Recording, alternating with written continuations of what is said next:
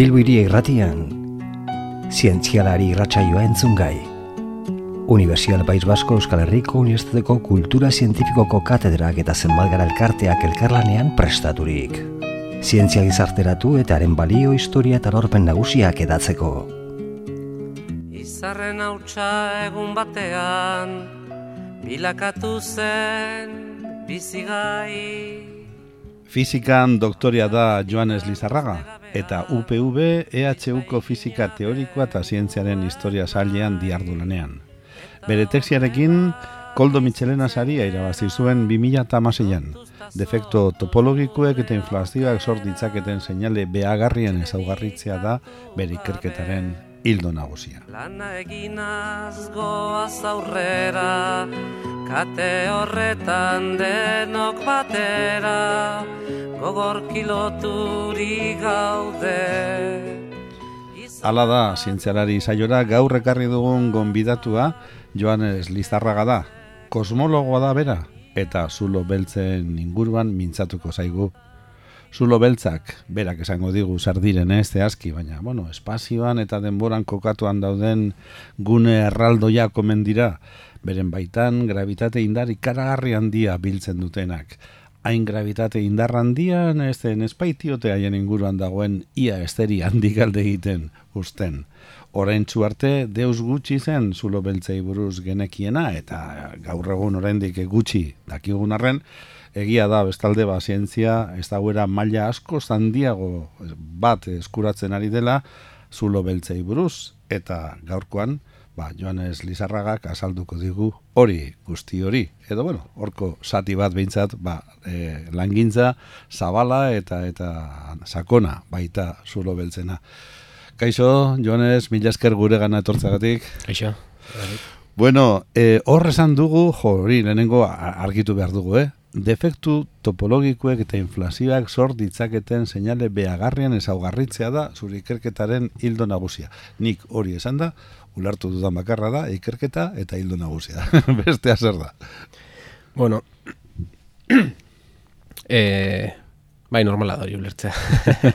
Ez, guk unibertsoare, unibertsoa sortu eta handi gutxira ba, unibertsoa nolakoa zen ikertzen saiatzen gara, gu horretan saiatzen gara, eta ba, aipatu dituzun defektu topologikoak eta inflazioa dira garai horretan kukatzen diren e, ba, ba eredu batzuk, ez da? Inflazioa nahiko ezarrita dagoen eredua da, horrein guztiz frogatuta ez dagoena, eta defektu topologikoak e, eredu askotan agertzen diren objektu bitxi batzuk dira. Orduan, eredu teorikoak eta matematikoak erabiliz, beraien ezaguarriak ulertzen saiatzen gara, gero ea e, neurketa esperimentaletan ikus daitezkeen edo edo edo haien aztarna aurkitu daitekeen ikusteko eta horrela ba unibertso gazteaz zerbait gehiago jakiteko. Oraingoz mhm. gutxi dakigu eta. Hori da gutxi dakigu, baina asko da, eh? Dakiguna lengo aldean konpara lengo aldeko ezaguerarekin konparatu eskero. E, zuek beraz sortu unibertsoa sortu zeneko une hoiek aztertzen e, duzu eta eta nola egiten betiko jakin mina daukanik. E, nola egiten duzue hain atzera denboran datu hoietara iristeko. Bai, bueno, Ose, azken e... finean existitzen ez denaz, ezta? Gertatutako antzinako gauza bati buruz ari. Hori da, da historia lan bitxi bat egitea da, matematikak mm. erabiliz. e, zenbait eredu proposatzen dira, esaten dutenak, bueno, ba, ez dakigu nolakoa zen unibertsoa, ezin dugu jakin, ezin delako laborategi batean unibertsoa sortu. Hori da problema nagusiena gurea. Unibertsoa bat bakarra da, Eta zer gertatu zen jakiteko, ba, bueno, e, arkeologia lan bat egin behar da. Horretarako, e, lehenik eta behin esaten dugu, hainbat eredu ditugu, eredu hauek zer iragartzen dute. Eta iragarpen horiek kalkulatzen ditugu. Eta gero, iragarpen horiek, oraindik, unibertsoa gaztea zenean sortutako ba, seinaleak edo aztarnetan aurkitzen saiatzen gara. Ba, simil bat egitea egiteko, ba, geologian e, fosilekin egiten dena, mm fosilak garai bateko aztarna dira, garai hartatik gordeta daudenak, ba, kosmologian baditu gorelako zenbait aztarna baita ere. Badira aztarnak, beraz, kosmologian ere. Adibidez, Jones? Bai, noski badira, bestela e, itxu itxuan hariko gineke. Bai, e, adibidez, e, nagusiena, e, unibertsoak irureun mila urte zituenean askatutako erradiazioa da, ondoko mikroin kosmikoa ditutakoa, eta horrek e, fotoiak dira, erradiazioa da, mikroguinetan, tortzen zaiguna, eta ematen digu unibertsoak irureu mila urte zituenean, irureu mila urte, unibertsoa nahiko gaztea da, eh? Bai, Naiz eta irureu mila urte izan. E, orduko argazki edo irudi nahiko fidagarria. Egin dezakezue gaur. Bai, bueno, argazki abstraktoa da, eh? Bai, bai, bai, ulertzen dugu, bai, ez da zehatza. Bai, hori da. bai. Eta, bai, eta gaur egun dauzkagun eredu teorikoek gainera oso ongi iragazten dute e, argazki hori. Hala izan zena. Bai. E, zehazki esateko gaur egun gaude oso detaile txikietan e, zentratzen. Mhm, jo, Bai. benetan. Eta eta beste galdera bat, e, erantzunek ez badago, ez dago, eh? Ausartzen alda zientzia unibertsoa noiz sortu zen iragartzen?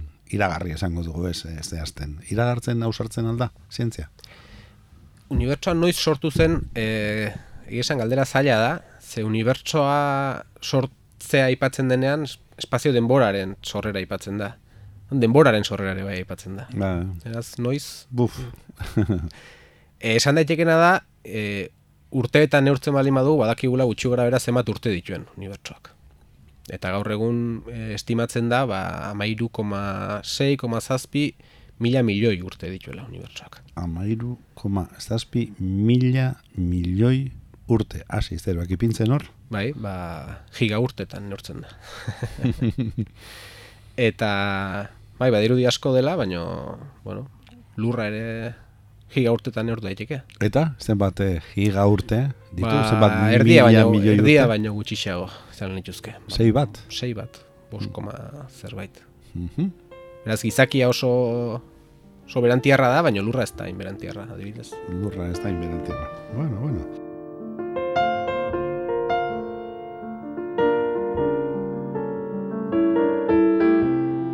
Zer dira zulo beltzak, gure entzulek, e, ulertzeko eran esan da, Joanes? Nola azalduko zenidaken iri, ezer ez dakidan honi, eta gure entzuletako askori, seguru asko haiek ere espaitute jakingo, zer diren zulo beltzak ulertzeko modu hortan? Bueno, e, zulo beltzak, e, azteko paperean iragarri ziren, bai? E, pentsatu zen, egon bertzutela olako objektu batzuk. Orduan, ze, ze, zer, zer adirazten dute. Lehenengo imaginatu egin zidan. Bai, gauza asko, gau- gauza gertatzen da hori. Fizikan eta matematikan baita ere. E,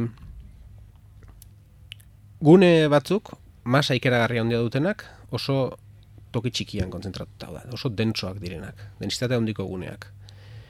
E, densitate hau dela eta, beraien erakarpen gravitatorio oso handia da, baino definitu daiteke itzulelarik gabeko gune bat. Markatzen duen muga bat, horizontea deitzen dena. E, Muga hori horizonte esaten duzu da, bere erakartze ere mua nola baita esan. Masan, Ez, eraka, erakarri, e, Ez. ez. erakarpen gravitatorioa espazio guztian zehar e, zabaltzen da. Eta, edozein objektu masa duenak erakartzen du infinitoraino.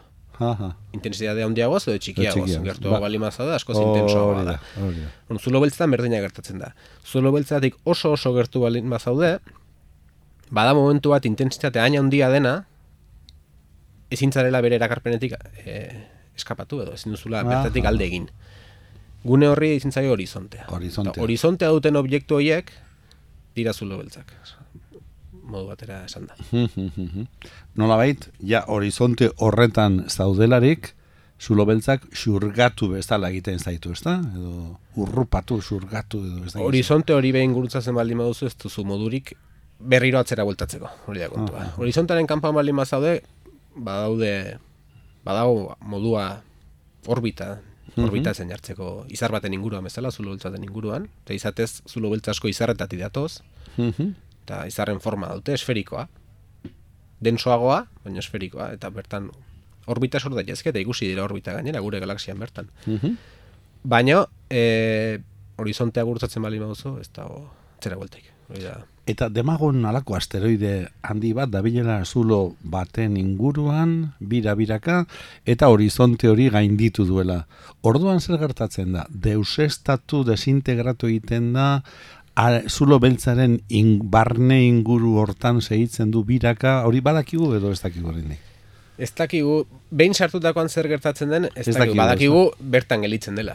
E, materiare, materia ze agregazio goeratan dagoen, solio izaten jarraitzen du, zertan bihurtzen da, karo, hor, hain handia da, gravitate indarra, e, molekulen bertako barruko indarrak ere hausten dituela, momentu batean. Orduan ez dakigu, zehazki, eta ez daukagu momentu honetan, gaina hori iragartzeko gai den eredu egokirik. Hori izan lintzateke zulo beltzen inguru galdera handinetako bat.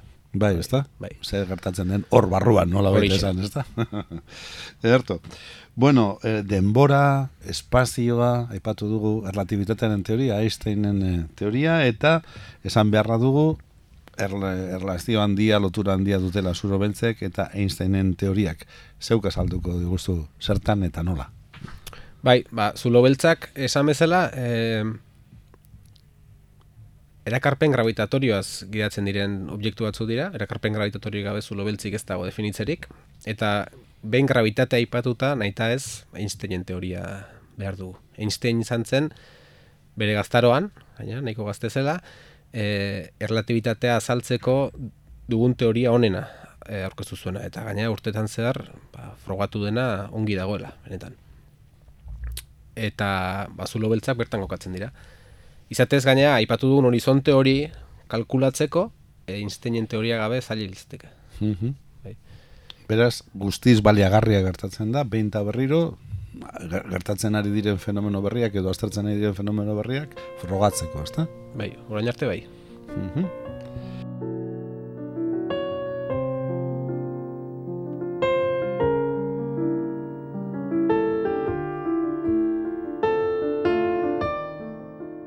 Bueno, e, beste gauza bat, e, nondik datorkio alako indar eh, handia zulo beltzari? E, erakarpen indarra gravitatorioa denez, zuzenean masatik. Masatik. Masa da, bai. Karo, gero eta gehiago erori zulo beltz batera, gero eta masa handiagoa du. Mhm. Zenbat eta elementu gehiago. Gero eta gehiago xur- xurgatzen baldin badu, gero eta elementu gehiago erortzen baldin badira eh, horizontean barrura, ba, masa ez da desagertzen. Masa hor gelditzen da. Gero eta masa handiago du. Baina nola sortzen den adibidez? Ba, izar batetik sortu baldin bada, ba, izar horren masa izanen du, edo izar horrek zuen masaren zati bat izanen du. Beste egoera batean, dentsoagoa dena, baina azkenean masa da hemen, ez dago beste ez ezaguna den erakarpenik. Ez, masa da. Bai, gravitatea. Gravitatea da. Aha. E, beste kontu bat, horrez, horra aipatzen da kurbatura. Ezta? Alako zulo beltzak baduela alako kurbatura bat, nola bait, eta horrek niri pentsarazten dit, segurazki okerre, eta zuk zuzenkunduko zehaztu, e, Joanes, badagola alako lerro moduko bat, badago gauza plano moduko bat, eta hor kurbatura bat, nolabait sakonune bat sortzen dela. Horrek zer pentsarazte behar dugu? Unibertsoa alako ze plano bat dela? E, bueno, etzoaz, etzoaz gaizki. E, Einsteinen teoria ulertu nahi bali maduzue, e, lehenengo e, olako adibide gisa erabiltzen dena, e, maindire baten adibidea da. Maindire E, bat. espazio denbora iragarri zuen Einsteinek bere, bere garaian, Bai. espazio denborari gabe ez da Einsteinen teoriarik ulertzen, eta berak esaten zuen espazio denboraren kurbatura dela gravitatea. Mhm. Aron, imaginatu dezakezu maindire bat, tenso jarrita, Bai. guztiz tensionatuta, plano. Eta baino hor e, jarri dezakezue pilota bat. Mhm. Maindirari ze gertatuko zaio, kurbatuko dela. Hori da. Orduan, pilota horri botatzen baldin badugu beste pilota txikiago bat, pinponeko bat bezala, zer nahiko du? Haundira joan, erori, Bai. erakarri. Bai. Hor ez dago benetazko gravitate bat, oso txikia delako beraien arteko erakarpena, baina badago kurbatura horrek eragindakoa. Bai. Ba, gravitatea modu horretan ulertzen dugu fisikariek. Espazio denboraren kurbatura bezala. Eta eta zulo beltzetan berdin. Kurbatura hain handia denean, da, itzulerarik gabeko puntu hori aipatu dudana, izan lintzateke, Bai. ba, kurbatura ikeragarria handia den, kurbatura ikeragarria handia izaten hasten den gune hori. Mhm. Egarki. Beste puntu bat, eh, aipatu duzu, zulo beltzak, nola baita esan, izarren desagarpenetik, deus ez tapenetik eh, sortzen direla, baina beti era berberean sortzen dira. edo modu bat baino gehiago daukate zulo beltzek eh, sortzeko? Badirudi, badirela modu bat baino gehiago. Bai. E, ezagunena, e, izar nahiko handiek, e, jasaten duten prozesua da, izarrak ez dira betirako, hile egiten dira. Hori da, itzali egiten dira nola baita, Bai, ez da? e, batzuk itzali egiten dira eta beste lertu egiten dira. Eta lerketa hoiei e, supernova itzen zaie, normalean, eta oso oso handi baldin bada hipernovak. Mhm. Eta lerketa hori ondoren gelitzen den ondarra, izan daiteke zulo beltz bat, adibidez. Mhm. Beste modu batzutan ere, gerta daiteke, eta da, lerketa beharrean, izarra bere gisa itzaltzea, eta bertan gelitzen dena zulo beltz bat izatea. Ba, kolapsatu delako, eta eta zerbait askoz densoago sortu delako. Baino hau ere bada zulo beltzen inguruan e, dugun ez jakintasunaren neurriaz, e, itzarrek sort ditzaketen zulo beltzak mota batekoa dira ertainak, esaten dena, Mhm. zulo beltz ertainak. Zulo beltz oso oso txikiak egon daitezke baita ere, eta horien sorrera ez, ez dago oso garbi, bada dirudi unibertso oso oso gaztea zenean beste prozesu batzutan sortutakoak direla, baino e, ikerketa lerro desente dago hor. Eta oso oso handien kasuan, zulo beltz oso handia badirelako baita ere, badirudi ba, beste zulo beltzen elkarketak izan direla. Nola bait, zulo beltz batek bestea xurgatu duelako. Bai, elkar xurgatu, elkar erakarri, eta alako batean, ba, Handiago bat sortu dute, ez da? Hori da. Jo, entan interesgarria. E, beste kontu bat, ez daki zientziak hori horren besteraino iritsi den zientzia oraingoz, baina galdetu behar dizugu. Zulo beltzek badute nola baitxe esan guk mm, gure esateko moduan, eh? nola baiteko aho bat, edo sarbide bat, zeinetatik eh, inguruko jetu horiek zurgatzen dituzten. Pentsaren ez dake, edo badago pensatzerik, sarbidea duten modu berean irten bideare izan lezaketela agian? E, ez, ez dakigu. Ba, gaur egun dugun ereduarekin eta Einsteinen grabitatearen ereduarekin ezin dugu sartu, zulo beltzen barrura eta bueno, ez Einstein, fizikan ditugun e, e, baliabidekin ezin dugu ulertu zer gertatzen den barruan eta guretzako bertan sartzen dena bertan gelditzen da. Mhm. Oain, badaude teoria espekulatiboak. Baina espekulatiboak dira, oso espekulatiboak, Hori, bai, hori bai, azpimarratu behar bai. dugu, ez da? Hori da. Ez direla egiazkoak, edo ez direla frogatuak bintzat. Hori da. Ederki. Zu beste gauza bat, e, Wikipedian begiraturik, zulo beltzen inguruko informazioa eta, ba, berrikitan gure gandik guzti zurrun dagoen zulo beltz ikaragarri handi baten, ez dakite hitz egokia den, argazkia, irudia, marrazkia ikusi nuen, eta harrituta geratu nintzen, ze ez ditut urteak gogoratzen, baina, bueno, sekulako zenbaki handia zen, zenbat argi urtera dagoen, edo zegoen, dagoen zulo beltz hori, eta guk badugu horren nolabait konstantzia bat, ez da? Irudi horretan, argazki horretan. Mm. Nola, nola, nola izan da posible hori egitea? E, bueno, hori pausu desberdina daude, lehenengo e, jakin behartzen hortz bazela zulo beltz bat. Bestela e, ez ginateke ara begira herriko. Eta hori, konstantzia hori aurretik bazen, ba, e, teleskopioetan horretzelako ikusten ezer argitzurik, izar batekainako argia ematen zuenik, baina inguruko objektuak mugiten zirelako modu jakin batean hor zerbait balego bezala. Hori da zulo beltzen lehenengo konstantzia izan zena Mhm. beti. Bai.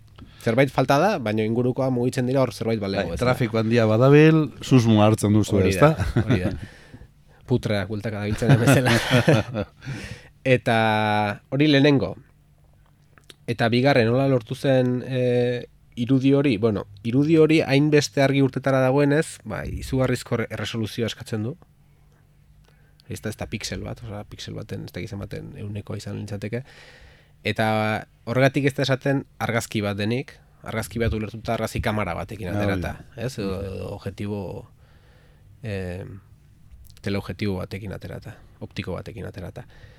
Honetarako eh, egintzena zen horrelako teleskopio eh, erraldoi bat sortu, lurreko hainbat teleskopio euren artean sinkronizatuz. Ba, egopoloan dagoen eh, teleskopioa, Groenlandian dagoena, estatutako, estatu batutan dagoena, Txilen dagoena, bueno, Hawain asko, iaia globo guztian zehar banatuta, eta horrekin lortu zen efektiboki izatea objektibo bat lurraren tamainakoa. Baina ez argi ikuskorra neurtzen duena, baizik eta infragorria, okertzen ez naiz. Eta horrekin, datu horiek hartuz eta izugarrizko trataera Bai. lan, landua emanez, Bai, matematiko emanez. ez hori da, sortu zen irudi hau. Mhm. Eta, bueno, izatez, baziren hainbat eredu, e, iragarpene bai, esanez justo zulo beltzorren irudia nolako izanen zen, eredu matematikoak, eta bueno, nahiko, nahiko hurbiltzen ziren gero ateratako maitzara. Beraz, asmatzen ari zarete, ezta? Zientzia asmatzen ari da. Bai, bai, zi- hori e, ona da, asmatzea, baino Claro, zientziak elikatzeko gauza berria behar ditu baita ere. Orduan, Inkognita eh, gehiago bai, behar du, zerbait faltatzen hori.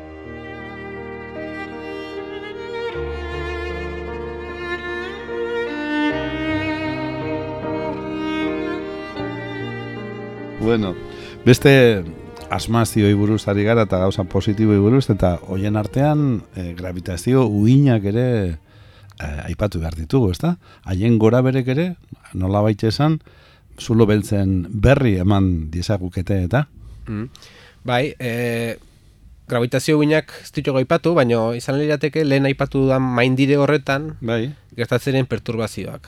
Maindire Aha. horretara zerbait oso bortitza godatzen bali badugu, edo zerbait oso bortitza gertatzen bada, bai, estanda bat adibidez, ezta? bai, edo, edo nahi bali baduzue, e, laku bateko uraren gainazala bezala lortu dezakezu, harria botatzen denean, sortzen Bai. dira Ha, horrelako ha, ha. perturbazio-txoak. Bai. Ba, hori gravitatearekin espazio denbora berdina gertatzen da.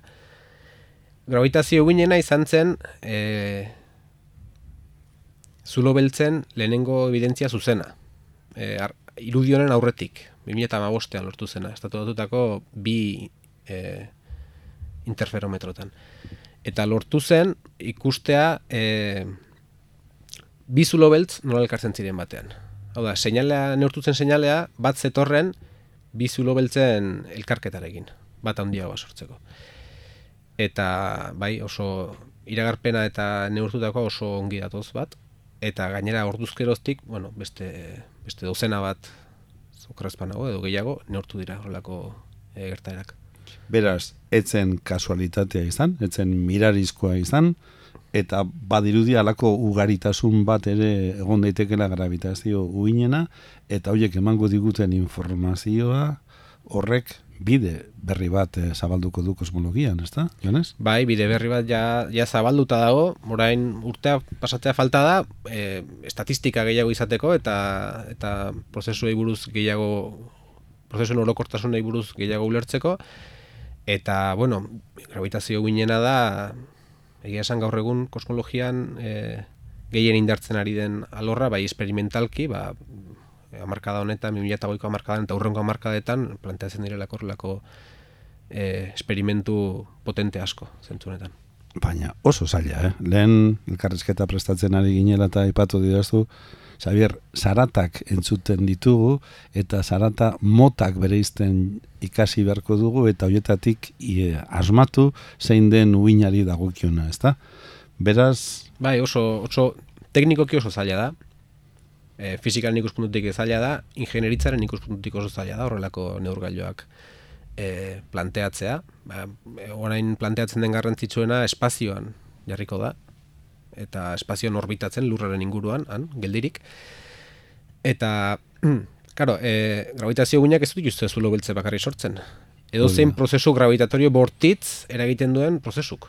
bai, bai, bai, bai. Eta gerta daiteke hainbat prozesu desberdinen seinalea gainezarrita iristea. Nola desberdin du zein den zeinena eta nola atera informazioa hor dago, hor dago erronka baita ere. Bueno, bueno. Lan esparru ikaragarri politxa, ikaragarri handia, emaitza ononak ematen e, diarduena azken urteotan. Ba, Joanes Lizarraga, UPV EHUko ikertzailea, zientzialaria, mila esker, asko ikasi dugu, zure bitartez, benetan estimatzen dugu zure ekarpena, Eskerrik asko zuei. Eta zure erakartzea ere bai, erakarri egin gaituzu kosmologiara. Mila esker. Universidad País Vasco Euskal Herriko Unibertsitateko Kultura Zientifikoko katedrak eta zenbat gara elkarteak elkarlanean prestaturik.